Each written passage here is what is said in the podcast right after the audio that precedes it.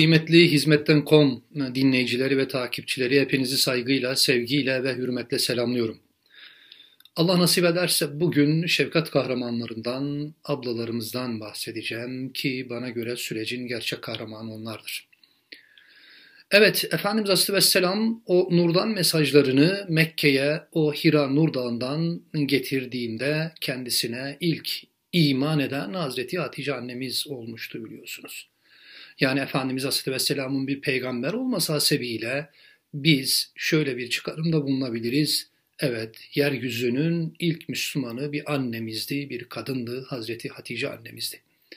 Efendimiz Aleyhisselam yaklaşık olarak 13 yıl kadar dinini Mekke'de anlatırken birçok mehlekelere, sıkıntılara ve çilelere maruz kalmıştı biliyorsunuz.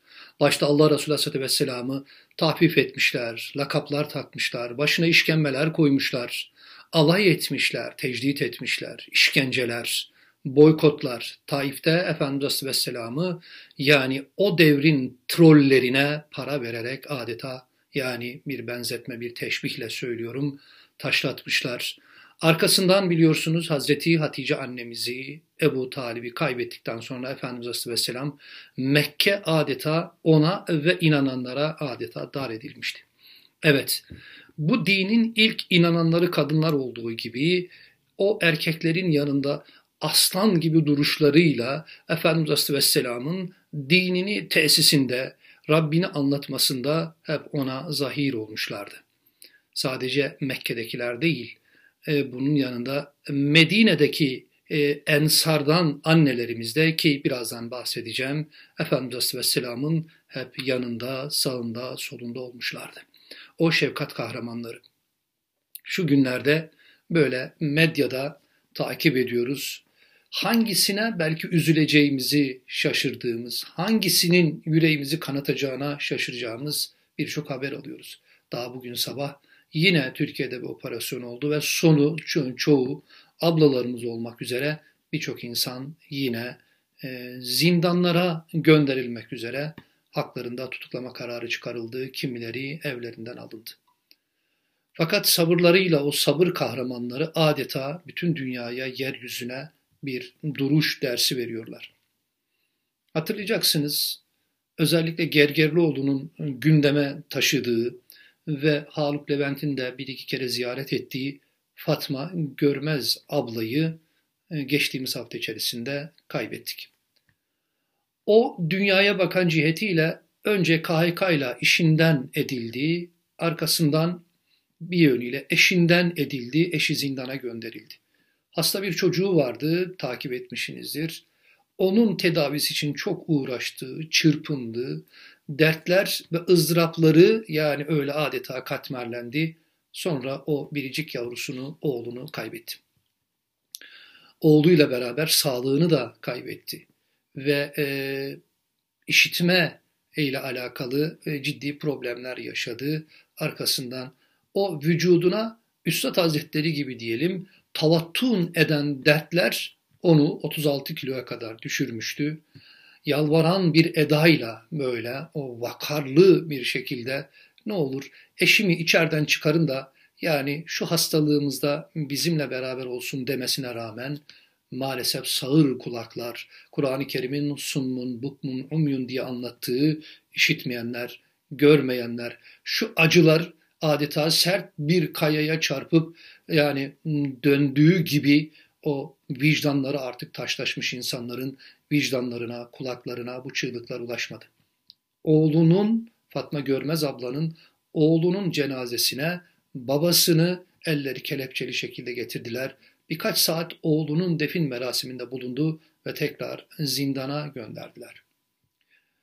Esasen yani hukuk dediğimiz hadise vicdanı çıkardığınız zaman, insanlığı çıkardığınız zaman adalet mekanizmasını muktedirlerin elinde bir sopaya dönüştürdüğünüz zaman işte ortaya böyle bir totaliter rejim hatta onun ötesinde bir tiranlık ortaya çıkar.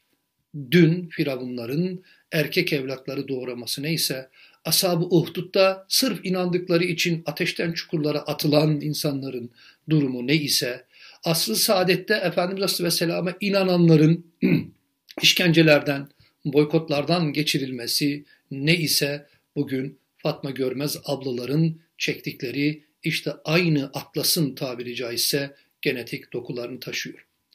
Dedim ya hangisine üzüleceğimizi, hangisine kahrolacağını, kahrolacağımızı şaşırdığımız bir atmosferden, bir süreçten, bir çile ikliminden geçiyoruz.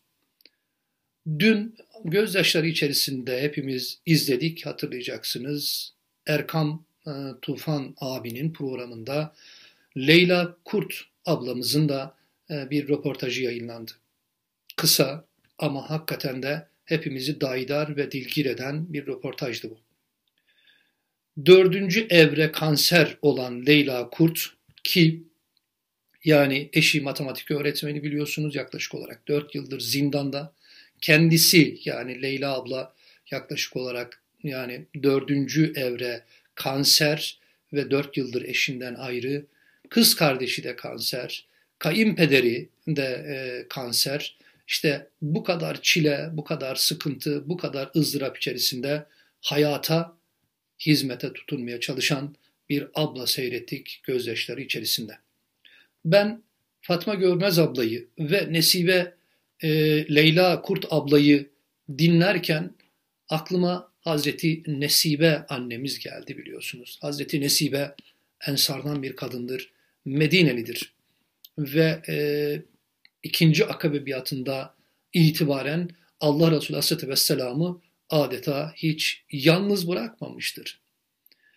Efendimiz Aleyhisselatü Vesselam'a Mekke dar edilince yani o Efendimizin mesajlarına toplum olarak, bir şehir olarak kulaklarını tıkayınca, din orada toprağa düşmesine rağmen o sert granitlerin, granitleşmiş vicdanların arasında neşvü nema bulamayınca Allah Resulü Vesselam o ikinci akabe biatında Medinelilerin de davetiyle ve Allah'ın da müsaade etmesiyle Medine'ye hicret etmişti biliyorsunuz. İşte o Mekke yıllarında Allah Resulü Aleyhisselatü Vesselam aradığını o Mekke'de bulamamış. 10. yılda Taif'e gitmiş. Troller tarafından o günün yani paralı trolleri tarafından Taif'te taşlanmış. Onun arkasından Allah Resulü Aleyhisselatü Vesselam adeta panayırları ve o gün genetiği bozulmuş haç ibadetini putları ziyarete gelen o Arabistan çevresinden insanları ve grupları ve sülaleleri ziyaret edip acaba şöyle esbab dairesinde sırtımı dayayıp Rabbimi anlatabileceğim birilerini bulabilir miyim umuduyla Allah Resulü Aleyhisselam başta Mina olmak üzere Zülmecaz gibi Ukaz gibi panayırlara gidip dinini, davasını ve Rabbini anlatıyordu o mahzun nebi.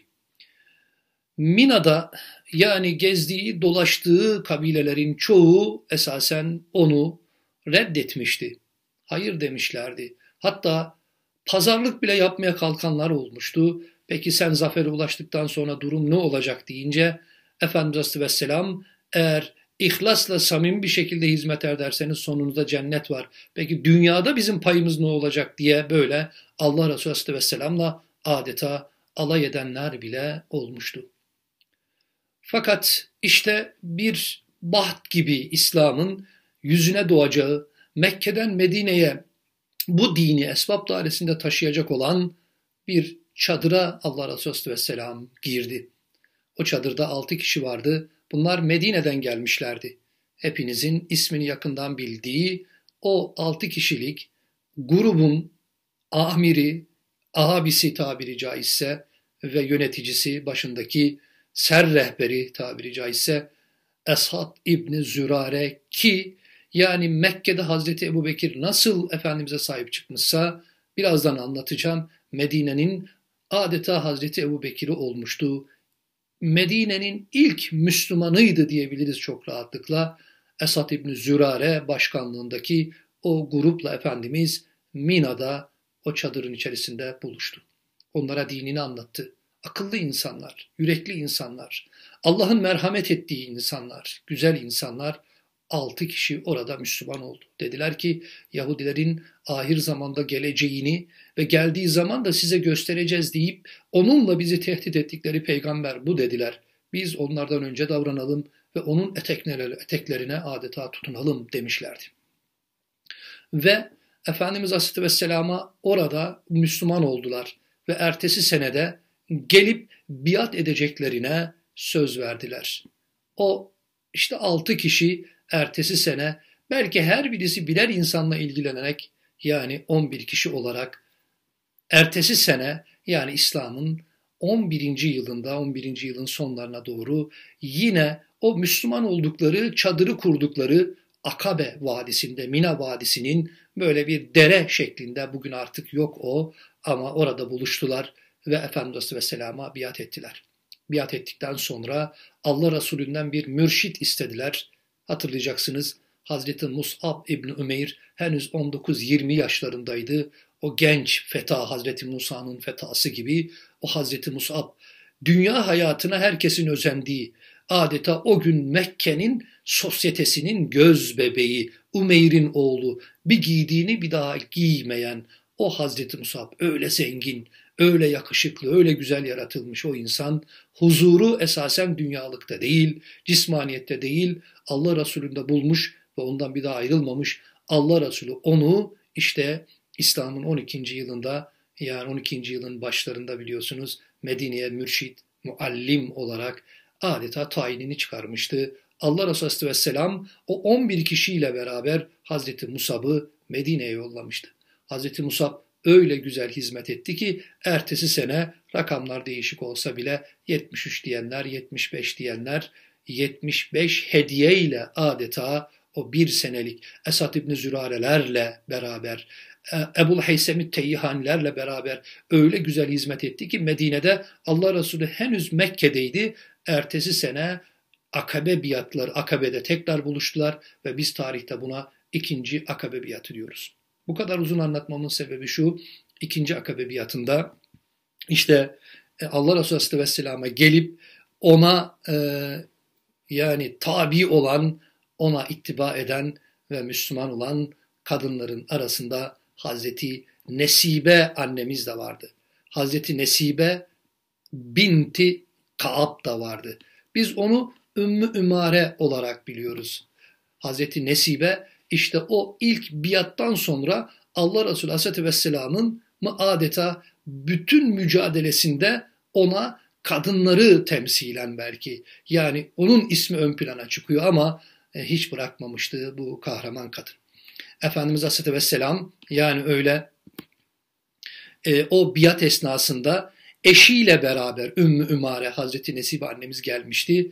Eşi şöyle dedi Allah Resulüne ya Resulallah dedi benim yani eşim ve bir kadın daha Hazreti Esma da yani biat için geldiler deyince Efendimiz tebessüm buyurdu ve sizin biatınızı kabul ettiğim gibi onların da biatını kabul ediyorum dedi. İşte o günden sonra Hazreti Nesibe hep Efendimiz Aleyhisselam'ın yanındadır. Ama biz asıl onu Uhud'da hatırlıyoruz. Hazreti Nesibe annemiz yani Efendimizin Aleyhisselatü Vesselam savaşmasına, savaşa katılmasına izin verdiği yani hemen hemen Efendimizin Bedir, Uhud, belki yani Uhud'dan sonra Uhud, Hendek, daha sonraki seferleri Efendimiz Aleyhisselam, sonra Efendimizin vefatından sonra Yermük gibi diğer bütün adeta kazalarına, gazalarına Efendimiz Aleyhisselam'ın katılmış büyük bir annemizdi. Uhud'a gidelim birlikte. Hazreti Nesibe'yi orada seyredelim. Üstadımızın dediği gibi hayalen o asra, o asrın da Uhud'una gidelim. Uhud Müslümanlar için Hoca Efendi'nin tabiriyle adeta bir Yemen olmuştu. Hani burası Yemen'dir, gülü çemendir, giden gelmiyor, acep nedendir dediği işte Müslümanların sayısı yaklaşık 700'dü. Yüzde onu yani orada yani dalı budağı kırılmış bir vaziyette Allah Resulü onları Uhud'da bıraktı geldi. Uhud'u uzun anlatmayacağım. Uhud'un ilk aşamasında Hazreti Dücane gibi, Uhud'un ilk aşamasında Hazreti Hamza gibi, Hazreti Ali gibi başta yiğitlerin o yani iyi mücadelesiyle Uhud'un birinci aşaması müşriklerin bozgunuyla neticelenmişti. İkinci aşamasında ise okçuların bir içtihat farklılığından dolayı yerlerini terk etmesinden sonra Hazreti Halid'in ki o gün itibariyle Halit değil, Hazreti Halit değildir o. Müslümanları arkadan kuşatması ve müşriklerin de Hazreti Halid'in o hücumunu görmesinden sonra tekrar dönmelerinden sonra Müslümanlar iki ateş arasında kalmışlar ve Uhud dağına doğru çekilme gereği hissetmişlerdi. Başta Efendimiz Aleyhisselatü Vesselam olmak üzere. Efendimizin önünde surlar adeta bir bir yıkılmıştı Uhud'da. Yani 3000 kişilik bir müşrik ordusu Bedir'in intikamını almak için son derece motive bir şekilde gelmişlerdi. Allah Resulü Aleyhisselam bin kişi olarak yola çıkmıştı ama 300'ü e, dönmüştü.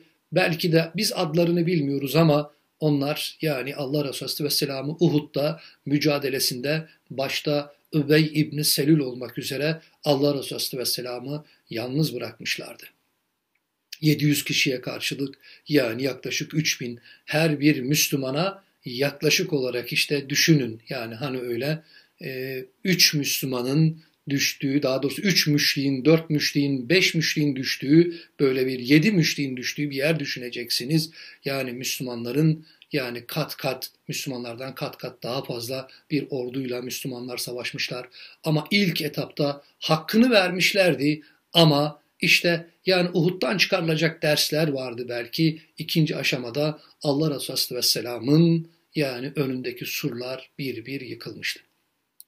İki oğluyla beraber Efendimiz Aleyhisselam'ın yanında yer alan Hazreti Nesibe annemiz yani orada işte hastaları, yaralıların yarasını sarma ve onlara bir saki olarak su taşımakla görevliydi. Ama Allah Resulü'nün önündeki surların yıkıldığını da görünce böyle iş başa düşüp hemen yerden aldığı bir kılıçla Allah Resulü Aleyhisselam'ı esasen savunmaya başlamıştı.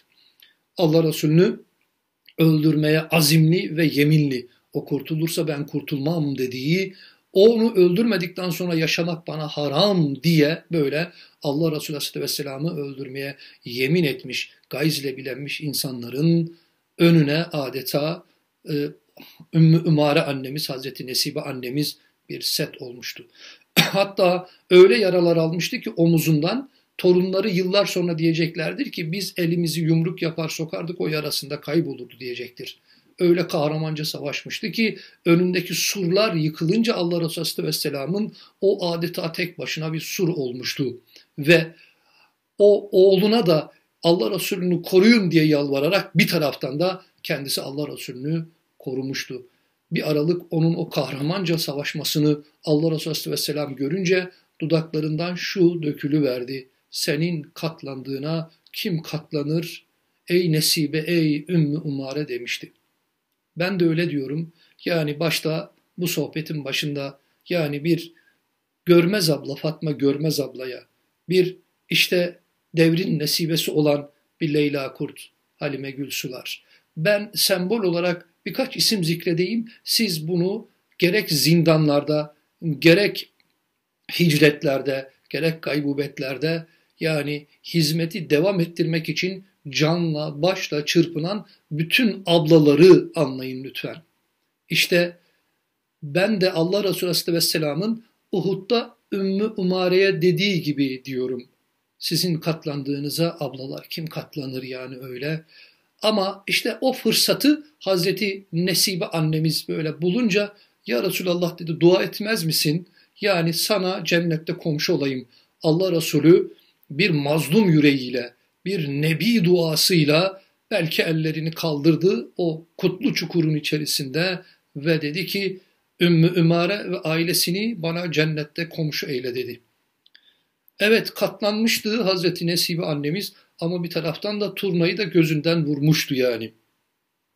Ve Allah Resulü Vesselam'ın yani o söylemesi onunla beraber adeta metafizik gerilimi daha da artan Nesibe annemiz Allah Resulü'nü öldürmeye yeltenen bir kişiyi de bertaraf edince Efendimiz Aleyhisselam orada dişleri görünecek şekilde de tebessüm ettiğini biz işte gerek siyer gerek megazi gerekse de tabakat kitaplarında okuyoruz yani. Evet bugün Fatma görmezler yani aramızdan böyle kanatlanıp Rabbine uçanlar, bir Halime Gülsular, bir Aslı Doğanlar. Dediğim gibi yani ben birkaç tanesini sayayım o uçup gidenlerin altına siz liste olarak ekleyin yani öyle. Ben Hazreti Nesibe annemizin bu hatırasından bir çıkarım yaparak şöyle diyorum. Allah göçüp gidenlerimizi Allah Resulü Aleyhisselatü Vesselam'ın duasına katsın da ona ahirette inşallah komşu eylesin. Hazreti Ayşe annemize komşu eylesin onları. Hazreti Hatice annemize, Hazreti Asiye annemize komşu eylesin inşallah Teala. Hazreti Nesibe annemiz yaralı, bereli şekilde Uhud'dan geriye dönmüş. Ertesi gün yapılan Hamraül Esed'den tutun da e, işte e, Huneyn Harbi'ne kadar, e, Huneyn Harbi'ne kadar, Mekke'nin fethine kadar, hatta Mekke'nin fethinden önce yani meşhur Kur'an-ı Kerim'inde bahsettiği tahta şecere o ağacın altında yapılan yani işte Hudeybiye'de yapılan Rıdvan biatına da katılmış. Sonra Mekke'nin fethine Allah Resulü beraber yürümüş. Huneyn Harbi'ne katılmış. Tebük seferine katılmış. Onun arkasından Allah Resulü'nün göçüp gitmesinden sonra da Yemame, Yermük yani Müslümanların olduğu yani Müslümanların mücadele ve müşahede ettiği hemen hemen bütün harplere de Hazreti Nesibe annemiz iştirak etmişti. Sonra biliyorsunuz Hazreti Ebu Bekir'in halifeliği döneminde Müseylimetül Kezzab ki daha Efendimiz döneminde gelip terbiyesizce Efendimiz'e ben de peygamberim gel beraber şu yeryüzünü bölüşelim diyerek küstahlaşan o Müseylimetül Kezzab'la yapılan işte o savaşa da iştirak etti. Biz o savaşı Yemame olarak biliyoruz. İşte o Yemame Harbi'nde de yani kahramanca savaşmıştır ve e, oradan aldığı yaralarla da yaraları bir daha iyileşmemiş ve Medine'de Yemame Harbi'nden sonra aldığı o yaralarla tıpkı Fatma Görmez ablamızın, tıpkı Halime Gülsu'nun, tıpkı Aslı Doğan'ın şehit olup gittiği gibi Rabbine yürümüş ve bugün Medine'deki Baki kabristanına şehitlerin defnedildiği yere o da defnedilmişti. Onun çilesi sadece yani Allah Resulü Vesselam'ın yani dinine girdiği ve hizmet ettiği işte o e, kahrolası bir çete ki menfaat birlikteliği gerek Mekke'de gerekse de Medine'de gerekse de Medine dışındaki insanlar o hakkın gelip batılı yerle bir edeceğini işte o batıl üzerinden kurdukları menfaat şebekesini yok edeceğini bildikleri için Müslümanlara zulmetmişlerdi. Hazreti Nesibe annemizin çilesi sadece kendisiyle alakalı değil ki onun biliyorsunuz yani iki oğlu vardı. Oğullarından bir tanesinin ismi de Hazreti Habib idi. Müseylimetül Kezzab peygamberliğini ilan edince haşa ve kella yani öyle e, Allah Resulü Aleyhisselam bir mektup yazdı ve onu işte Hazreti Nesibe annemizin oğlu Habib'le Müseylimetül Kezzab'a o yalancıya gönderdi. Sonra Hazreti Habib o mektubu ona götürünce Müseylime çıktı dedi ki sen dedi Allah Resulü'nün yani Hazreti Muhammed'in peygamberliğine inanıyor musun? O da belki bütün hücreleriyle adeta yani bütün yüreğiyle yani bir dil şeklinde evet diye cevap vermişti. Müseylimetül Kezzab peki benim peygamberliğine deyince onunla onun tarzıyla istihza ederek şöyle demişti. Valla sesin buraya kadar ulaşmıyor. Ben hiçbir şey duymuyorum deyince Müseylimetül Kezzab öfkelenmiş ve onu işkenceyle ne yapmıştı? Yani şehit etmişti. Böyle çileli bir aile, işte tekrar Uhud'a dönerek söyleyelim, böyle çileli bir aile çektiği çilelerin karşılığında Allah Resulü Aleyhisselatü Vesselam'ın duasına mazhar olmuş ve o duayla da Allah Resulü Aleyhisselatü Vesselam'a ahirette komşu olmuştu.